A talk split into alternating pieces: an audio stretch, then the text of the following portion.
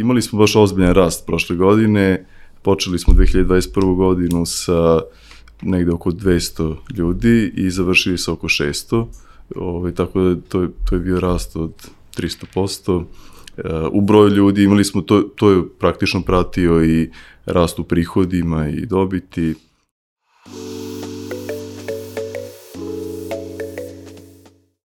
Poštovani slušalci i gledalci, dobrodošli u još jednu epizodu Office Talks podcasta. A, moje ime je Marko Mudrinić. A, moj današnji gost je Saša Popović, a, jedan od osnivača i CEO novosadske kompanije Vega IT, a, mada možda i pogrešno reći, ovaj, novosadske kompanije su danas prisutni u nekoliko gradova širom Srbije. A, Saša, ti si ujedno i, i mentor a, domaćim startupima, a, anđeo investitor a, i nekoliko poslednjih godina ovako dosta vidno i radi i da kažem pruža podršku ovaj, domaćim startupima, dakle uključen si u domaću startup zajednicu, pa dobrodošao nam u podcast. Hvala, bolje vas našao. E sad, kada uh, ljudi negde ukucaju tvoje ime na, na YouTube, mogu da vide nekoliko, nekoliko intervjua i nekoliko gostovanja koje si, koje si dao ovaj, u, u prošlosti, u kojima si uglavnom, da kažem, pričao negde o tvom razvojnom putu, o razvojnom putu ovaj, same kompanije Vega IT. A, međutim, moja ideja je danas bila da ne pričamo o tome kako si došao do, do ove trenutne pozicije, nego kako zapravo Vega danas uh, ovaj, uh, posluje, uh, da ispričamo malo o tome šta se ovih dana dešava u vašoj kompaniji, uh, zašto ste negde na nivou uh, zapravo same organizacije se odlučili na malo drugačiji pristup ovaj, širenju, te ste uveli ljude uh, u partnerstvo, dakle omogućili ste ovaj, ljudima da postanu partneri u firmi, uh, odlučili ste se i da otvarate kancelarije negde širom Srbije, dakle imate taj izraženi moment decentralizacije, ali isto tako dosta radite na interpreduzetništvu gde samim ljudima unutar kompanije negde pokušavate da da, ne, ne mogu da kažem nametnete, ali negde pokušavate da ih uvedete u taj preduzetnički a, mindset. A, ajmo za početak negde može da sumiramo onu proteklu godinu, da može da kažem protekle dve godine od kako, od kako živimo u ovoj pandemiji. A, koliko ljudi danas zapošljava Vega IT i kako si negde ovaj, ono zadovoljan poslovanjem u prethodnom periodu? Mm -hmm. Pa dobro, ajde prvo hvala ti na svim tim lepim rečima. Pitao si danas, danas zapošljavamo oko 650 ljudi u kompaniji, a sad ne znam u momentu emitovanja emisije koliko će ih biti, verovatno nešto više. E, imali smo baš ozbiljan rast prošle godine, počeli smo 2021. godinu sa negde oko 200 ljudi i završili sa oko 600, Ove, ovaj, tako da to je, to je bio rast od 300%. U broju ljudi imali smo, to, to je praktično pratio i rast u prihodima i dobiti, e, tako da s te strane to bilo sve odlično, ali ono, ono što me posebno raduje je što e, nismo ulagali samo u rast, nego i u razvoj i što su to mogli da osete naše kolege na razne načine, a, a i naši klijenti. Znači tu ovaj, ulagali smo u kvalitet naših usluga, procesa internih, odnosa sa kolegama, generalno njihov, njihov uslove za rad i, i generalno život da. u kompaniji. Tako. Moram ti pitan kako čovjek preživi rast od 300% u firmi? Pa zanimljivo je, zanimljivo je. Ove, ima, bilo je tu raznih izazova, ali ceo proces je bio vrlo zanimljiv. Ja, to, to su zaista impresivne brojke, čestitke, ovaj, da, pre svega. Hvala. A Ono što se negde istakla kao jedno od, od velikih vesti, nam svakako da smo pisali na, i, i na netokraciji o tome, to je da ste prehodne godine a, odlučili da negde ključne ljude a, u kompaniji uvedete u taj partnerski odnos. A, pa me zanima zašto ste se negde odlučili zapravo na takav a, pristup i koliko ste dugo razmišljali o ome, znam svakako da, da neke, da kažem, zakonske promene koje su donete poslednjih godina su vam zapravo i omogućile da, da takvu stvar ponudite, pa ajde da, da malo popričamo o, o tome. Da. E, pa sad ima tu puno stvari koje si spomenuo, e, recimo te zakonske promene e, su nam olakšale, to jest učinile ceo proces nekako jednostavnijim i, i kvalitetnijim, ali mi smo udele davali ljudima i ranije, recimo još pre 9 godina smo kolegi Bobanu Mikšinu dali 5% firme, ovaj, bez da je postojao ovaj mehanizam opcija na udele koji postoji od, od pre godinu i po dana, koliko već. Uh, I uz to smo, sad ne znam, ne znam da li znaš za to, uh, osnovali još jedan broj firmi, uglavnom sa kolegama koje su radile sa nama, uh, i to tako što uh, su te kolege postojale suvlasnici u tim firmama, vrlo često većinski vlasnici, e, mi smo ih podržavali i finansijski kroz našu mrežu kontakata, prve poslove i tako dalje. Tako da imamo jako puno iskustva sa tim, sa partnerstvom generalno. E, ovo što se desilo pre, mislim, mislim da je to bilo u aprilu 2021. ili tako nešto, e, postao nam je dostupan mehanizam opcija na udele, znači ono kao share options što postoji svuda u svetu, ovaj, moguće je dati ljudima praktično udeo kroz neki vesting period i određenu uslugu. To se zove ESOP, jel da, Employee Stock Ownership. Jest, jest, da, da, da. da. Uh, sad, uh, uh, sam da spomenem još nešto, uh, da recimo on, ono što praktikuju mnogi najveći e, VC fondovi je kada im, kada im dođu startupi da prvo pitaju koliko tu ima osnivača. I ako je pitanju samo jedan čovek, vrlo često to uzimaju kao minus. Ako je dvoje ili više, to je, to je nešto pozitivno. Mislim, kao i u životu privatnom, ovo je neko puno lakše uz partnere. Uh, I ja sam od prvog dana imao partnera, Vladan Ostović i ja smo zajedno osnovali kompaniju. Posle par godina se pridružio Boban uh, i nekako puno smo bili uvek uh, rekao bih, snažniji i lakše kada možemo jedni druge pod, s drugima da podelimo i brige i da zajedno smislimo nešto pametno i tako dalje. A sad zamisli kompaniju koja imaš 30 ljudi koji su partneri. Koliko je to nekako tu puno uh, iskustva, znanja, želje, volje da se stvori nešto super. Znači, to ne, ne znam, ne znam kako to da opišem. To, to sad, evo, proživljavamo poslednjih godinu dana i stvarno je neverovatno dobro iskustvo ovaj, rezultati onoga što smo Bobanu dali udele pre 9 godina, to smo već videli prethodnih godina, iako u prvom momentu kad smo davali udele nismo imali pojma kako će stvarno biti rezultat toga, ali stvarno nam je puno značilo to što je on bio deo kompanije prethodnih 9 godina, a sad mogu tek da, da zamislim šta će biti narednih godina sa ovih 30 partnera. Da, to svakako impozantna brojka. Ovaj, da duže, ajde da kažem, ono, stvarno ste značajan rast, pa, pa negde svakako ovo ime smisla uvesti, uvesti toliki broj ljudi. A koje su to, mislim, koje ste pozicije uvodile? To nisu samo, dakle, programerske pozicije, znam svakako da imaju i ljudi koji su zaslužni za operacije, to je za samo negde vođenje firme. Pa evo, kad to već pitam, ako možete nama da podeliš možda i kak, kakva je njihova reakcija bila, kao, ok, imali smo, da kažem, već neka partnerstva ono, u firmi i podržavali smo to na različite načine, ali evo sada izvanično kada zapravo ne postoji mogućnost da se tako jedna stvar uradi u Srbiji, odlučili smo da, da 30 ljudi uvedemo ovaj, u vlasničku strukturu. Da, pa da, bilo je raznora, mislim, bilo je raznih reakcija, ove, bile su uh, veoma pozitivne. Uh, možda je najzanimljivija reakcija jedne koleginice koja je bila pred kraj trudnoće u tom momentu kada smo javili da postaje partner u kompaniji i nju smo baš morali da smirujemo, jer onako bilo je rizično ove, šta će se desiti u, u toj fazi trudnoće.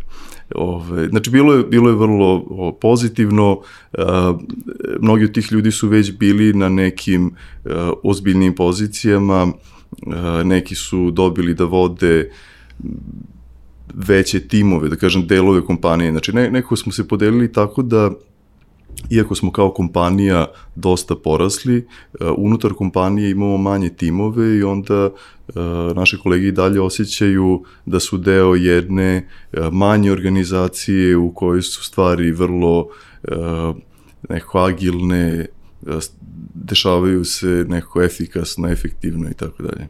Da. Zdravo, to zvuči kao prišli ćemo svakako malo kasnije i, i, i, i organizaciji. A, ono što, opet pripremajući se za ovu epizodu, naš kao čitao sam i neke intervjue koje si, koje si dao, a, spomenuo sam to naravno i u, i u, samom, u samoj najavi, ali ako već govorimo o tom nekom što mislim i sam si rekao, firma je podeljena na manje timove, a, dosta negde, znači ono, ne mogu da kažem opet da očekujete ljudi, ali svakako im dajete tu podršku da, da oni zapravo budu lideri u svojim nekim, da kažem, manjim timovima, u manjim zajednicama, da se tako izražim, i želite i ističete taj moment interpreduzetništva. E sad, a, opet citiram te, a, preduzetništvo po definiciji znači kreiranje vrednosti i ne mora nužno da označava osnivanje startapa. Negde to u Srbiji se najčešće vezuje da neko ko je preduzetnik ne može da posluje unutar velike organizacije, ne može negde da ima taj lead na nekim stvarima, nego on mora da bude ili ona ta osoba koja zapravo se nažalost muči i dalje sa nekom našom birokratijom i dalje se muči da kažem sa tim nekim ono osnovnim stvarima, ali vi ste to nekako probali da obrnete. A kako funkcioniše taj sistem a, u, u mhm. Vegi i negde kada ste zapravo krenuli sa, sa njegovom primjenom? Da. Uh, ajde samo da, da dodam jednu malu ispravku. Uh, ja, ja čvrsto verujem u to što si rekao vezano za intrapreduzetništvo, ali nije to moja definicija, možeš je naći i na Wikipediji kao takvu. Treba Ove... si onda prihvatiš da je tvoja definicija i to je to. I seći ćemo ovaj deo montaže, šalim se. uh, pazi, sve je počelo neko od prvog dana ove, i od nekog principa koji je baziran na poverenju i odgovornosti i to je nešto što je vidljivo svuda u okviru naše kompanije i naše kulture. Znači, na šta god da pomisliš, neke naj, najjednostavnije stvari i procese uvek se na kraju svode na poverenje i odgovornost u smislu da krećemo od toga da ljudima verujemo bezrezervno ovaj, računamo to da će biti odgovorni prema svom poslu, odnosu sa kolegama i svemu ostalom. I onda praktično time dajemo vetar u leđa kolegama koje neko imaju preduzetničkog duha da se dodatno pokažu i ostvare unutar kompanije. A ono što mi recimo zanimljivo je da ljudi koji sarađuju sa nama, recimo ljudi iz Srbije koji nisu u našoj kompaniji, nego na ovaj ili onaj način sarađuju sa mojim kolegama, više puta su komentarisali e, kako im je zanimljivo kako koliko moje kolege imaju autonomije i koliko samostalno donose odluke. Kažu da to nije nešto što se viđa često i da uglavnom koliko god bila velika kompanija ili mala, i za neke najmanje odluke se najčešće odlazi do vrha da bi se dobila potvrda odobrenja šta već. Dok recimo naše kolege, to je taj deo intrapreduzetništva između ostalog gde ljudi nekako uh, posmatraju kompaniju kao svoju, čak i oni koji nemaju ude u njoj, uh, mada mnogi koji su je posmatrali kao svoju su i dobili udele na kraju, uh, Znači, posmatraju kao svoju i nekako uh, uradit će najbolje što mogu za kompaniju. I onda, i kad ih pustimo da sami donose odluke, ne brinemo o tome da li će uraditi najbolje što mogu. Možda to neće biti onako uh, urađeno ili donešena odluka baš kao što bi smo mi osnivači to uradili, ali svakako u najboljem interesu kompanije i skoro uvek to bude jako dobro. Da. E, Dobar je moment i za učenje negde, ovaj, kada malo ljude baciš u vatru, pa, pa onda da. izađu i ono kao lideri izađu sa nekim novim veštinama. To. Da, da, da, a, a i sami to rade. Znači, evo recimo jedan primer je uh, ovaj period kada je počela pandemija, tu prvih 3-4 meseca smo imali ovaj, dosta lošiji period, mnogo naših klijenata je bilo u problemu, smanjili su nam se prihodi, količina posla i tako dalje. E, praktično smo gubili novac neko vreme. E, jedna od koleginica je e, samo inicijativno probala da eksperimentiše sa nečim kako bi nam generisala dodatni posao. E, probala je neke stvari, imala prve rezultate, e, javila se nama koji vodimo kompaniju, predložila da praktično probamo to na nekom ozbiljnijem nivou i tako je nastao naš business development team, iako do tada nikada nismo radili ovaj, nikakav outreach, nikada nismo mi išli da nudimo svoje usluge klijentima i uspeli smo i da stvarno dobijemo ozbiljne klijente i ozbiljan posao na taj način. Znači to je isto, to je nešto što može da objasni taj moment interpreduzetništva, znači stvaranje neke dodatne vrednosti, nekih novih sad usluga, procesa, šta god, nečega što će doneti vrednost kompaniji bez da je neko e, sa vrha to e, inicirao, nametno ili kako već. Da, ili prisvojio na kraju dana ako nešto da, dođe od da, kolege, da. ovaj, ono, nebrojne mnogo primjera gde nešto dođe od tog srednjeg nivoa ili možda od samih ljudi koji rade na projektu, način kako može da se, na primjer, ne znam, uštedi negde novac, uštedi vreme i da onda to management prisvaja, što svakako nije dobro u nekoj daljnoj perspektivi ako govorimo o razvoju. Da. I još jedna stvar koju sam htio da ti pitam, a kako se takav mindset uh, ogleda možda na neke projekte sa kojim su dolazili ljudi? Ovaj, mislim, to, to mi možda negdje uh mhm. -huh. uvod u, u ovu narednu temu, obzirom da ćemo pričati negdje o tvom angažmanu ovaj, unutar domaće startup zajednice, ali uh, imam, ono, imaš možda jedan tim uh mhm. -huh. koji negde ono, razvija neki proizvod proizvod ili možda neki app, neku, neku stvar koju su ovako sami krenuli da rade, a, da li mogu da se obrate tebi, nekom on unutar tima, kako možda, mislim, sam si rekao evo, da ste oni neke nove kompanije zapravo osnivali ovo u okviru, u okviru grupe, ali a, kako negde pokušavate zapravo da opet takve ljude koji su kvalitetni ljudi zadržite unutar svojih redova, a da im date priliku da budu ovneri nečega i da rade na tom proizvodu, dakle da ih možda izmestite sa nekih glavnih projekata na kojima rade, na, da rade na nekim drugim stvarima. Kako to funkcioniše u Vegi i, zašto negde uopšteno kao podržavate takvu stvar? Šta, šta ona za vas znači? Uh mhm. -huh. Pa ima sad tu više stvari. Možda, možda krenuo bih od onog što nam je core biznisa, to je razvoj softverskih proizvoda za druge. Uh, tu je, tu, on, naši klijenti posebno cene našu kompaniju, to je naše kolege, zbog toga što uzimaju potpuno vlasništvo nad onim ovaj, na čemu rade. I, i znači ponašaju se kao da razvijaju so, sobstveni proizvod. I onda je to klijenti naši budu oduševljeni time koliko su naše kolege proaktivne, koliko razmišljaju o tome što rade, koliko se tu predlažu uh, predlažu napređenje i samog proizvoda, ne samo sa tehničke strane, naravno i to, to se podrazumeva, ali neko razmišljaju stvarno o proizvodu kao nečemu što treba da se razvije kvalitetno za tog klijenta, to je za krajnje korisnike. I onda kroz to stiču i super iskustvo koje se sad može primeniti na, na razne druge stvari.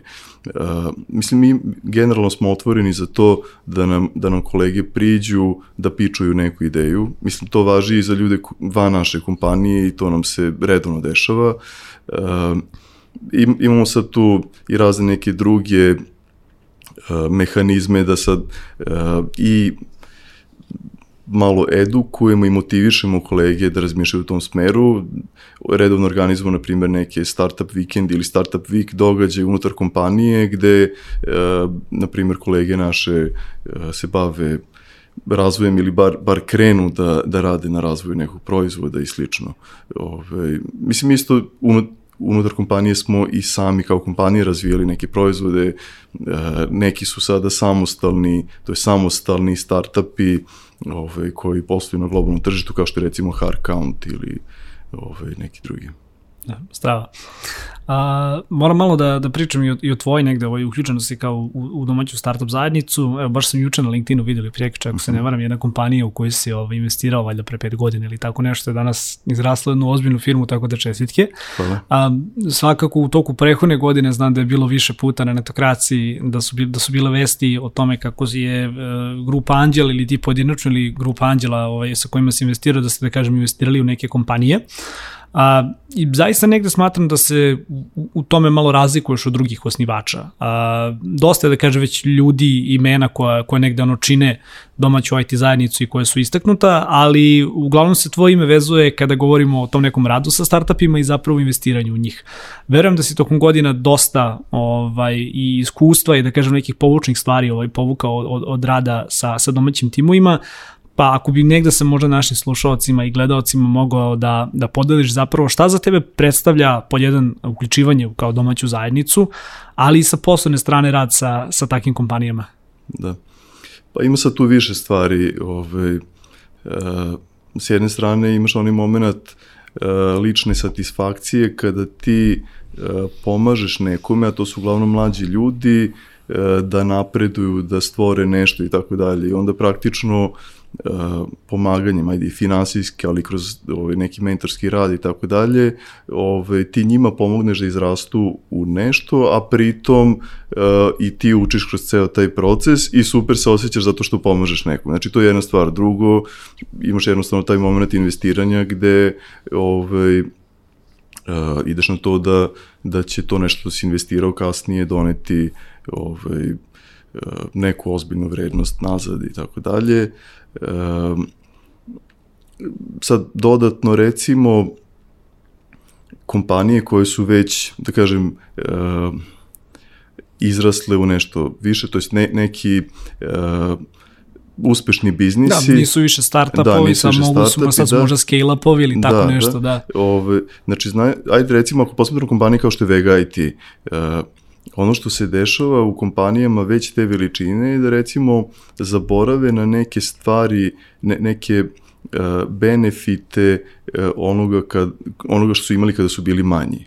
Uh, I recimo, ne znam, uvedu previše neke birokratije, previše procedura, previše svega i svačega što ih učini manje efikasnim, što ih učini manje interesantnim i za klijente zbog raznog overheada i za zaposlene zbog svega i svačega. Postanu ona kompanija protiv koje su se borili na početku. Jeste, da. jeste, baš tako, baš tako da. I sad recimo meni kao nekome ko je konstantno u kontaktu sa osnivačima startupa i, i, i učestvuje na ovaj ili onaj način u radu startupa, Znači to da stalno ovaj, pratim kako to izgleda i da ne zaboravim e, koje su dobre stvari te agilnosti koje startup imaju. Znači stalno nešto može se uči iz toga i da se primenjuje ili, ili bar održi u kompanijama koje već ozbiljno rastu i, i ostvareni su na tržištu. To je dobro, ako sad imaš taj ovaj, startup reality check. Da, da, da, da, da, da baš tako. Strava. Ovaj, e sad, još jednu stvar koju negde želim, želim da, ovaj, da, da, da te pitam. A, Svedoci smo da se poslednje, ono, poslednjih godina, ako tako mogu da kažem, vodi jedan mali potajni rat između ono, service-based kompanija i između product kompanija. A i ljudi nekako u Srbiji često vole da se dele, bilo da su to ovaj, ono, partizani i četnici, Crvena zvezda ili partizam, malo se polako sad IT-evci deli na to kao da li radiš u jednoj kompaniji koja zapravo pruža usluge ili radiš u kompaniji koja negde ima, ima, ima sobstveni proizvod. Sad ti si zapravo da kažem negde sediš i na jednoj i na, i na, i na drugoj stolici. Ali e, isto opet pripremajući ovu epizodu i negde, negde razgovarajući sa tobom, čini mi se da, da, da se poslednjih godina možda negde stvorila ne mogu da kažem pogrešna slika, ali, ali svakako slika o kojoj treba diskutovati, ako ništa, a eto, zato si i danas kod nas ovaj gost u podcastu, da se negde možda stvorila pogrešna slika o tome kako ljudi koji nemaju pretarano mnogo ni, ni tehničkog možda iskustva, ni poslovnog iskustva, treba eto tek tako ovaj, da uđu negde u predzazničke vode, a, jer zaista novca danas kada govorimo o eksternom finansiranju ima, možda čak i previše. Videli smo tokom godina da se razne ideje finansiraju, da, da mnogo od njih ne uspeju, to je negde da kažemo ovaj recept koji, koji svakog investitori slede, ali a, isto tako pročitao sam i, i diskutovali smo malo o tome da zapravo jesi zagovornik toga da ljudi koji ulaze u IT treba negde da prođu ipak kroz, kroz jedan sistem kao što je service-based kompanija, jer će na taj način shvatiti i kako teku poslovni procesi, kako se na kraju dana razvijaju proizvodi, pa da malo možda popričamo o tome. A, koje su to neke stvari koje misliš da bi budući preduzetnici mogli da usvoje negde iz kompanije kao što je Vega i da kažem iz, iz, iz rada sa, sa tobom i tvojim timom, a koje su opet neke stvari koje aktivno sad kroz ove stvari o kojima smo pričali pokušavate da, e, da negde ovaj, predstavite vašim ljudima koji dakle i dalje rade u tako jednoj servisnoj kompaniji, ali opet od kojih negde ne mogu kažem zahtevate, ali ko, koje negde motivišete da imaju taj ono preduzetnički mindset. Da. Um, pa hajde, možda, možda prvo da se vratim nazad. Ove, uh, mi kada smo osnovali kompaniju pre 14 godina, uh, ona je bila uh, 100% outsourcing kompanija. Ove, I to sad onako zvuči vrlo loše, negativno, znači taj pojam outsourcing ovaj, nosi dosta negativne konotacije kod nas, e, ali to je realno nešto sa čime smo počeli. Mi i većina drugih IT kompanija koje su kasnije napravili neki... I znaš šta, tu, tu bih te samo prekinuo, sad izvini, ali, ali a, mislim da to uopšte nije stvar oko, oko koje treba ono bilo ko da se stiti, stidi pogotovo danas, da. a, ne, a negde smo na, na nivou zajednice razvili nažalost takav, ovaj, uh, takav utisak, da kao sad odjednom ne smeš da kažeš da, da radiš da, u outsourcu. Da, da. Često zaboravljamo da je outsource razlog zbog kojeg mi danas imamo srpsku IT industriju. Tako je, tako je, to, to je stvorilo ovu industriju, slažem se. Ja se ne stidim toga, znači mi smo stvarno počeli tako i 100% posla koji smo dobijali je bio kroz outsourcing. E, znači, bili smo veoma mala firma, na početku sa dvoje ljudi i nema šanse da bismo dobili posao za, e, na primjer, neke od najvećih banaka na svetu ili e, kompanije iz medtech industrije ili šta već, kao kompanije iz Srbije sa dvoje ljudi. A, a s druge strane, dobili smo da radimo na takvim milionskim projektima od prvog dana kroz neke partnere u inostranstvu i dobili smo priliku da steče, stičemo uh, super neko iskustvo, znanje i pritom da zaradimo i da ulažemo dalje u kompaniju. Uh, ono što je super je to što smo sad došli do toga da nam je preko 90% prihoda iz nečega što nije outsourcing, nego je razvoj proizvoda direktno za, za krajnje klijente. Imamo, znači tu mislim da je oko 9% prihoda nam i dalje dolazi iz outsourcinga i to su neki i dalje zanimljivi projekti i jako zanimljivi klijenti i, i od toga nismo odustali. Sad, znači, spomenuo si ono da možda treba mladi preduzetnici prvo da prođu kroz tako neku kompaniju, ne mora to obavezno.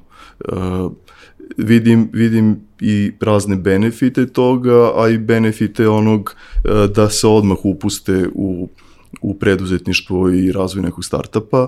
Uh, ako su u kompaniji kao što je Vega IT, mogu opet da steknu mnogo neko iskustvo, znanje, uh, mogu da, znači, kada je u pitanju service-based kompanija kao što je naša, koja trenutno ima uh, oko 80 klijenata, uh, radi sa skoro svim mogućim tehnologijama koje postoje na svetu i to su najčešće uh, ono najzanimljivije, najnovije tehnologije. Znači tu stvarno može se proba sve i svašta i da se stekne vrlo, vrlo široko znanje, a pritom se ulazi u dubinu tog znanja.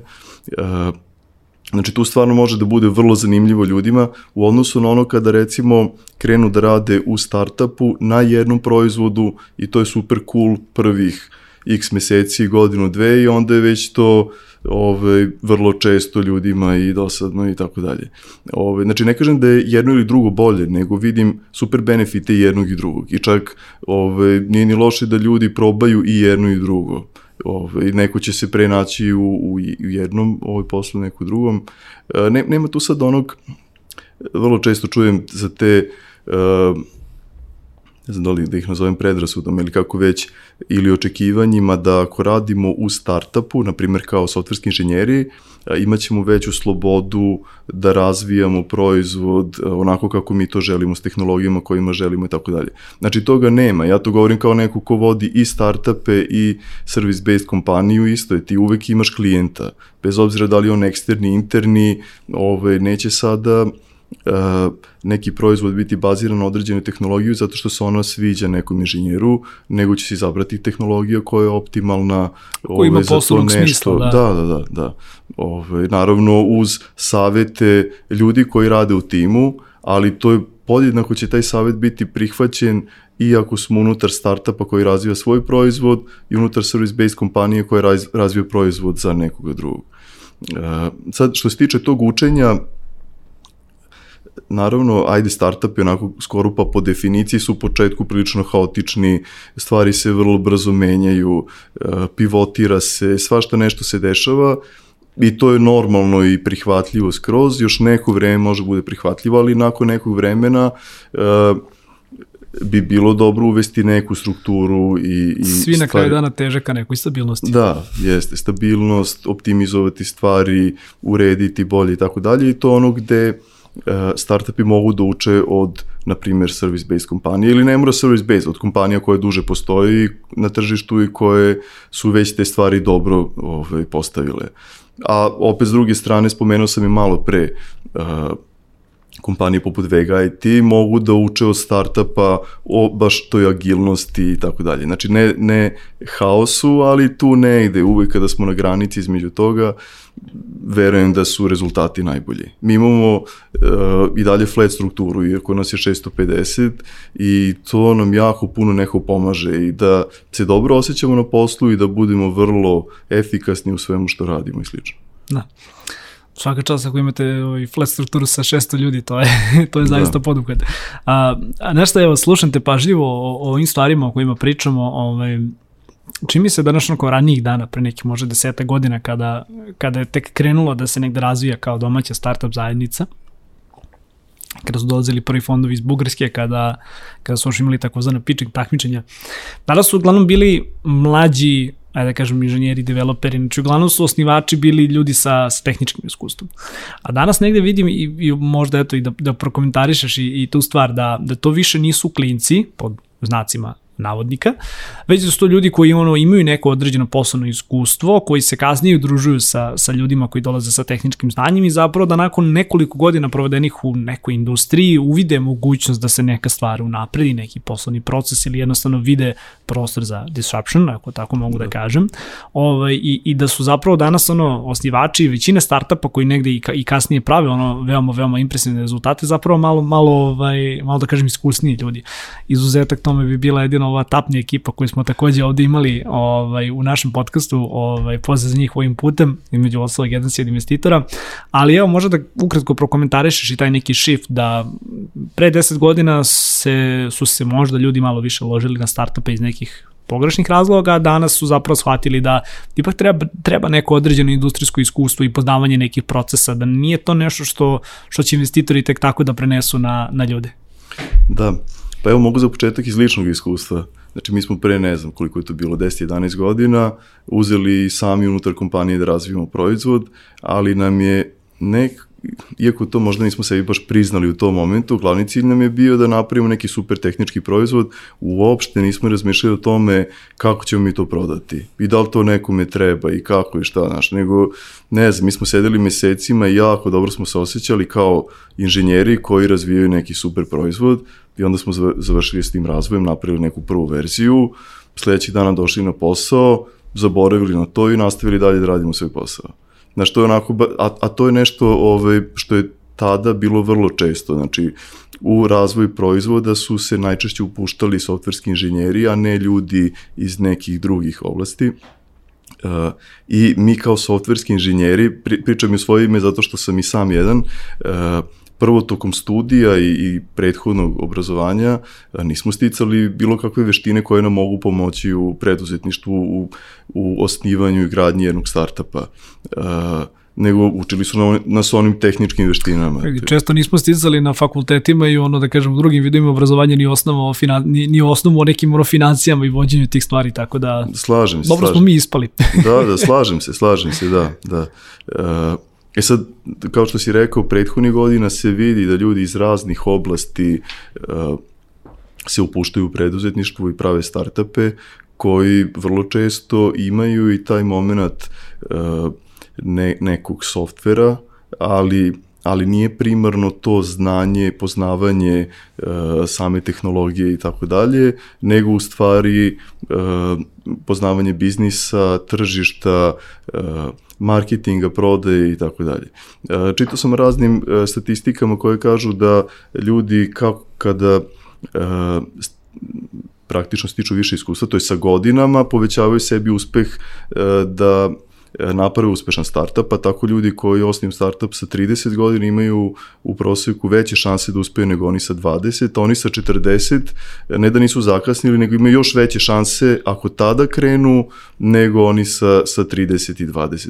Uh, e, opet vidim naravno i, i, i benefite toga da ljudi kao vrlo mladi ovaj, krenu da se bave e, preduzetništvom, ali samo hoću da kažem da ne mislim da će neko zakasniti i da treba da digne ruke ili da se boji ili šta već da probaju 30. 40. i, i kasnim godinama.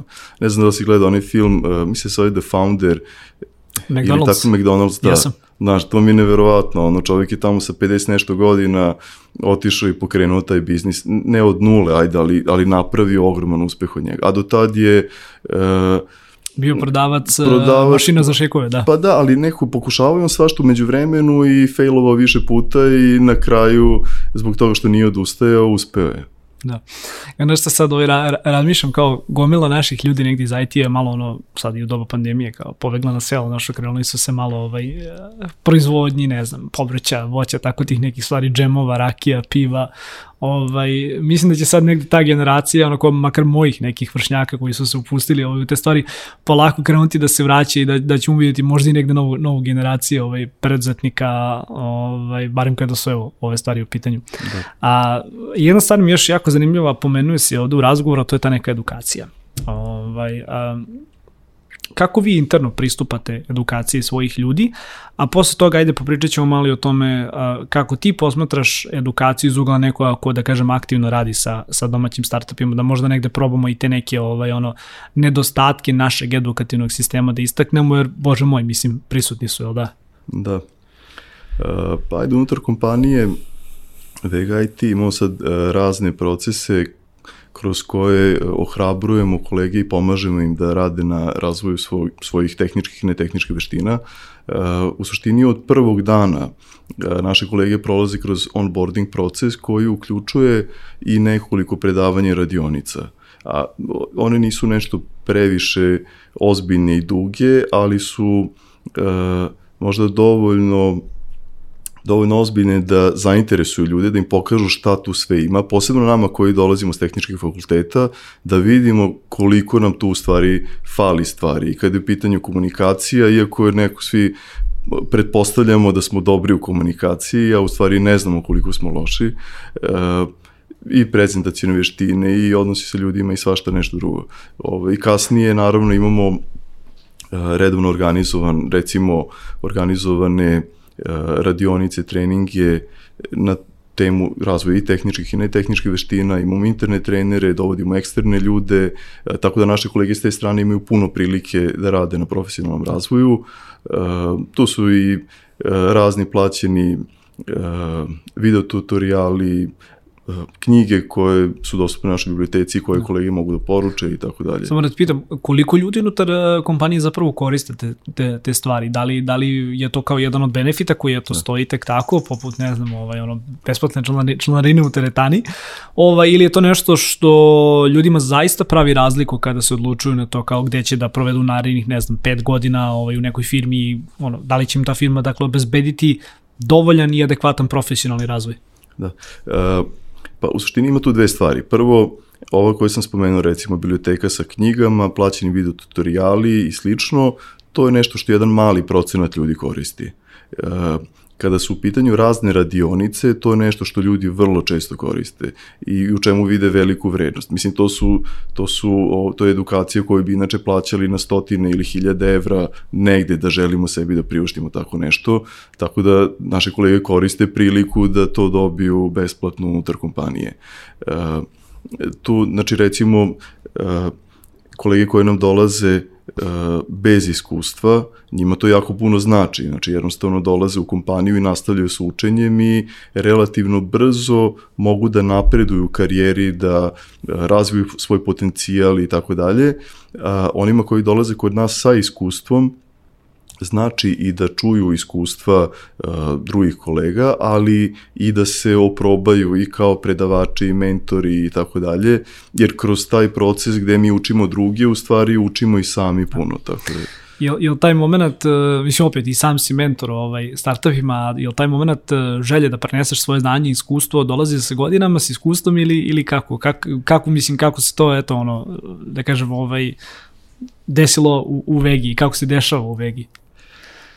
Pa, pazi, kod nas je to bilo neko od prvog dana nešto što smo, mi koji vodimo kompaniju, zagovarali i svojim primerom e, pokazivali ostalim kolegama i nekako se to e, pokrenulo, drugi su to prihvatili i, i nastavilo dalje da funkcioniše. E, naravno ne prepoznaju se svi u tome, ne znam da li ide s godinama, možda kod nekih ljudi, a kod nekih je to očigledno od prvog dana. Imamo neke mlade kolege uh, koje su stvarno vrhunski predavači i stvarno ljudi jako puno znaju, predaju interno i eksterno i odlaze na fakultete i tamo pričaju sa, sa studentima, to jest uh, predaju, organizujemo razne radionice ove, na kojima učestvuju studenti i tako dalje. Da, to zvuči zaista cool. E sad, rekao sam i da ćemo malo pričati o tom kao ono našem sistemu edukacije, pa evo spomenuo si između ostalog da su da su ovaj tvoje kolege uključene u, u dakle predavanje na fakultetima i to je nešto što se već poslednjih godina dešava, dakle da da fakulteti negde imaju ili gostujuće predavanje ili, ili, da, da kažem eksterne predavače iz, iz domaćih firmi. Ali još jednu stvar se isto tako pomenuo da kao nažalost na, faku, na fakultetu te ili na srednjoj školi ili gde god bilo koji tip neke ono formalne edukacije, uglavnom te niko ne uči o tome kako da, da postaviš budžet, kako da da, dakle, da vodiš financije, niko te gotovo ne uči ovaj administrativne stvari. Još sam baš juče ovaj, napisao na Twitteru, kaže u životu ti treba ovaj, samo dobar fizioterapeut i računovođe da budeš, da budeš u potpunosti srećen. Ali tvoj neki pristup i kako ti zapravo gledaš na, na ne mogu kažem, potencijalno rešenje tog problema, ali, ali e, na eventualno ublažavanje tog nekog, da kažem, negativnog efekta kakva takva jedna rupa u, u znanju, da kažem, donosi negde našem društvu. Da li je to a, da jednostavno sama kompanija treba da bude dakle uključena u proces edukacije ljudi koji dolaze u nju, ali da kažem i malo šire zajednice, ili je to nešto što opet ti na ličnom nivou osjećaš kroz tvoj mentorski rad sa, sa startupima? Kako gledaš prosto na, na te neke rupe koje nam nažalost ovde u Srbiji i, i dalje prave problem? Da, pa, pazi, to, tu vidim, vidim problem i u startupima koji razvijaju sobstvene proizvode i u kompanijama koje pružaju usluge drugima. Podjednak je izazov zato što je bitno da se razlikujemo od konkurencije na tržištu. I sad, mi recimo u našoj kompaniji postižemo značajno veće cene nego kompanije iz nekih drugih zemalja zbog toga što naše kolege imaju bolje razvijene komunikacione veštine i, i radimo generalno povećanju emocionalne inteligencije, u smislu recimo da ljudi imaju bolje razvijenu empatiju kako bi mogli da razumeju potrebe klijenata i krajnjih korisnika kada razvijaju neki proizvod i slično. Ja, ja lično verujem možda malo zvuči onako čudno ili kontroverzno, je da ne možeš da budeš vrhunski inženjer ako nemaš visok koeficijent emocionalne inteligencije i posebno razvijenu empatiju. Da, ne možeš samo da razmišljaš mehanički, moraš negde da, da, da. da budeš na kraju dana svestan da neke stvari koje razviješ imaju i krajnji korisnika, moraš naravno da onda znaš i kako taj krajnji da. korisnik ovaj, koristite neke stvari. Viš, to je, to je jako zanimljivo, malo, malo da. ljudi ovaj, ima takav pristup. Pa da, ali ono što je dobro u celoj priči je što emocionalnu inteligenciju možemo da razvijamo Znači nije na to sad samo dato, naravno neko je uh, talentovan više za nešto, neko manje, ali i mi koji smo manje talentovani možemo da radimo na tome da to unapredimo. Uh, sad pitao si da li u kompanijama ili ne. Sad u ovom momentu moramo u kompanijama to da radimo ako želimo da budemo relevantni na tržištu i vrlo uspešni i da se izdvojimo od konkurencije i slično i to su ove stvari koje sam spominjao, razni treninzi, predavanja unutar kompanija. E, to je, to je nešto što, za šta verujem da je neophodno. E, s druge strane, super bi bilo kada bi se menjao i obrazovni sistem u našoj zemlji e, i zbog ovih stvari koje se tiču raznih netehničkih veština, ali i generalno preduzetništva. I verujem da možemo puno više da uradimo ako bismo na fakultetima, ne znam, imali kurseve koji nas uče sa tu raznim tehničkim veštinama, preduzetništvu, ako bismo više odlazili u kompanije, to jest ako bi studenti više odlazili u kompanije i, i učili od, od onih koji imaju praktično iskustvo i slično, ali ja verujem da u stvari treba sa tim krenuti puno ranije, znači ne, ne čekati visoko obrazovanje, ne čak ni srednje, ne ukrenuti skroz iz vrtića, da. iz vrtića čak. Mm -hmm. I, I znam za neke, recimo u Novom Sadu, e, gde deca još u vrtićima e, rade na projektima i na neki način se uče preduzetništvu. Ove, ja sam, ja sam i lično učestvovao u osnivanju jedne osnovne škole i gimnazije i to onako e, sa željom da, da napravimo nešto bolje i da pokažemo e, i drugima kako može to i u Srbiji da se radi bolje. I da se radi i kroz projektnu nastavu i e, da se uče deca i e, ne tehničkim veštinama i da e, se spremaju za preduzetništvo i tako dalje. Znaš šta, na kraju dana da im se pokaže da znaš, ono, neke uspešne poslovne priče ovaj, postoji u Srbiji, da nije sve, znaš, ono, u nekim da. reality zvezdama, u, u takim nekim ličnostima, već da, znaš, ono, postoje ljudi koji su neverovatne stvari napravili ovde i mislim da, znaš, ono, kao svako ko god vidi takvu stvar, da se negde zapita, au, kao, znaš, kao, kako je ovo osobu radila ovo, ali da, apsolutno se slažem, tako da, da ovaj, pričali, da. pričali smo čak unutar dve organizacije, kako bi bilo super kada bismo uh, jednog dana, to je kada bi neko jednog dana snimio uh, neku igranu seriju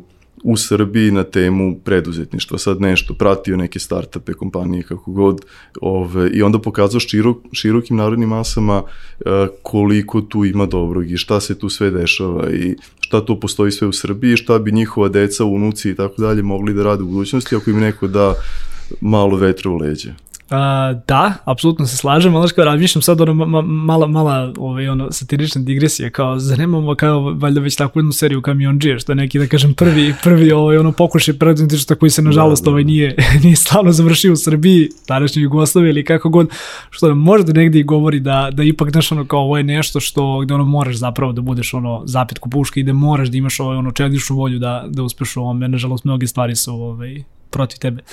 Um, za kraj negde da možemo malo porazgovaramo i o tom profesionalnom razvoju unutar, unutar ovaj, kompanije, znam svakako da smo, da smo već dotakli tu temu. Um, znam da ne možeš nužno negde sada da govoriš o pojedinačno o klijentima, ali ako već govorimo o Vegi, a, koji su to, a, koji su to da kažem, kompanije okvirni iz kojih, da kažem, industrija negde dolaze sa kojima danas, danas najviše radite, da li su to, da kažem, neki startupi, da li su to neke enterprise kompanije, svakako malo smo pričali i, i, i u ovoj pripremi da, da negde ljudi imaju mogućnost zapravo da biraju da li će da rade na, na manjim, u manjim timovima, da li će da rade u nekim enterprise organizacijama.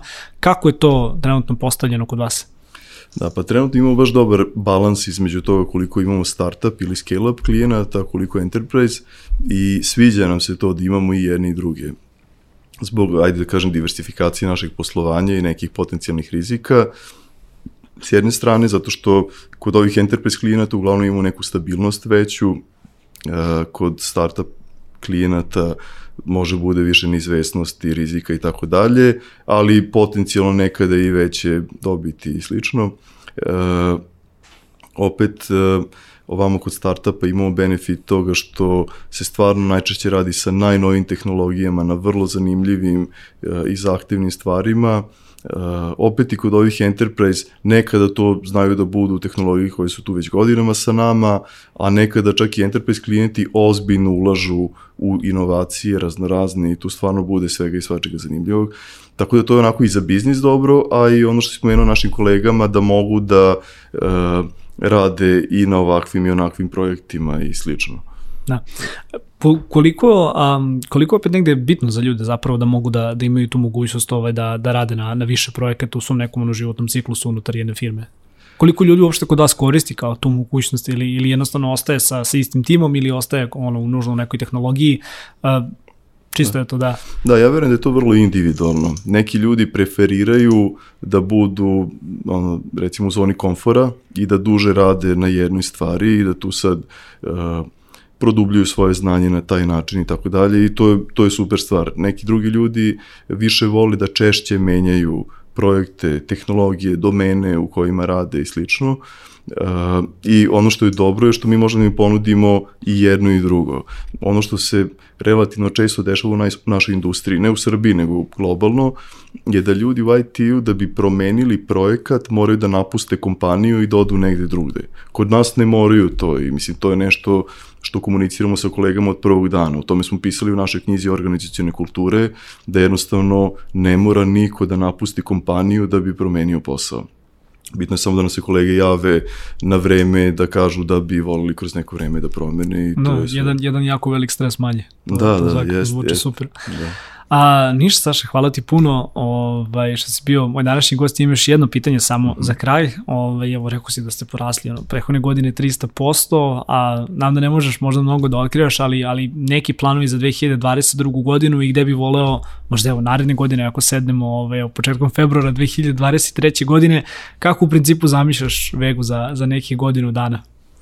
Pa, pa planiramo da nastavimo kao i do sada, mislim ne, ne toliki rast kao prošle godine, ove, volili bismo da to bude uh, malo manje, Neki plan nam je recimo, ajde za naredne četiri godine da dođemo do toga da nas je otprilike 2000 u kompaniji, eh, što bi nam omogućilo da radimo na još većim i zanimljivim projektima za još bolje klijente, da naše kolege imaju još više prilika da se ostvare unutar kompanije na, na razne načine, bez obzira na to da li idu u smeru ovog eh, tehnološkog ili onog više liderskog i tako dalje. Eh, za, konkretno za ovu godinu nam je plan tu da, da porastemo otprilike 30%, ovaj, da stvari još dodatno stabilizujemo i tako dalje. Da, strava.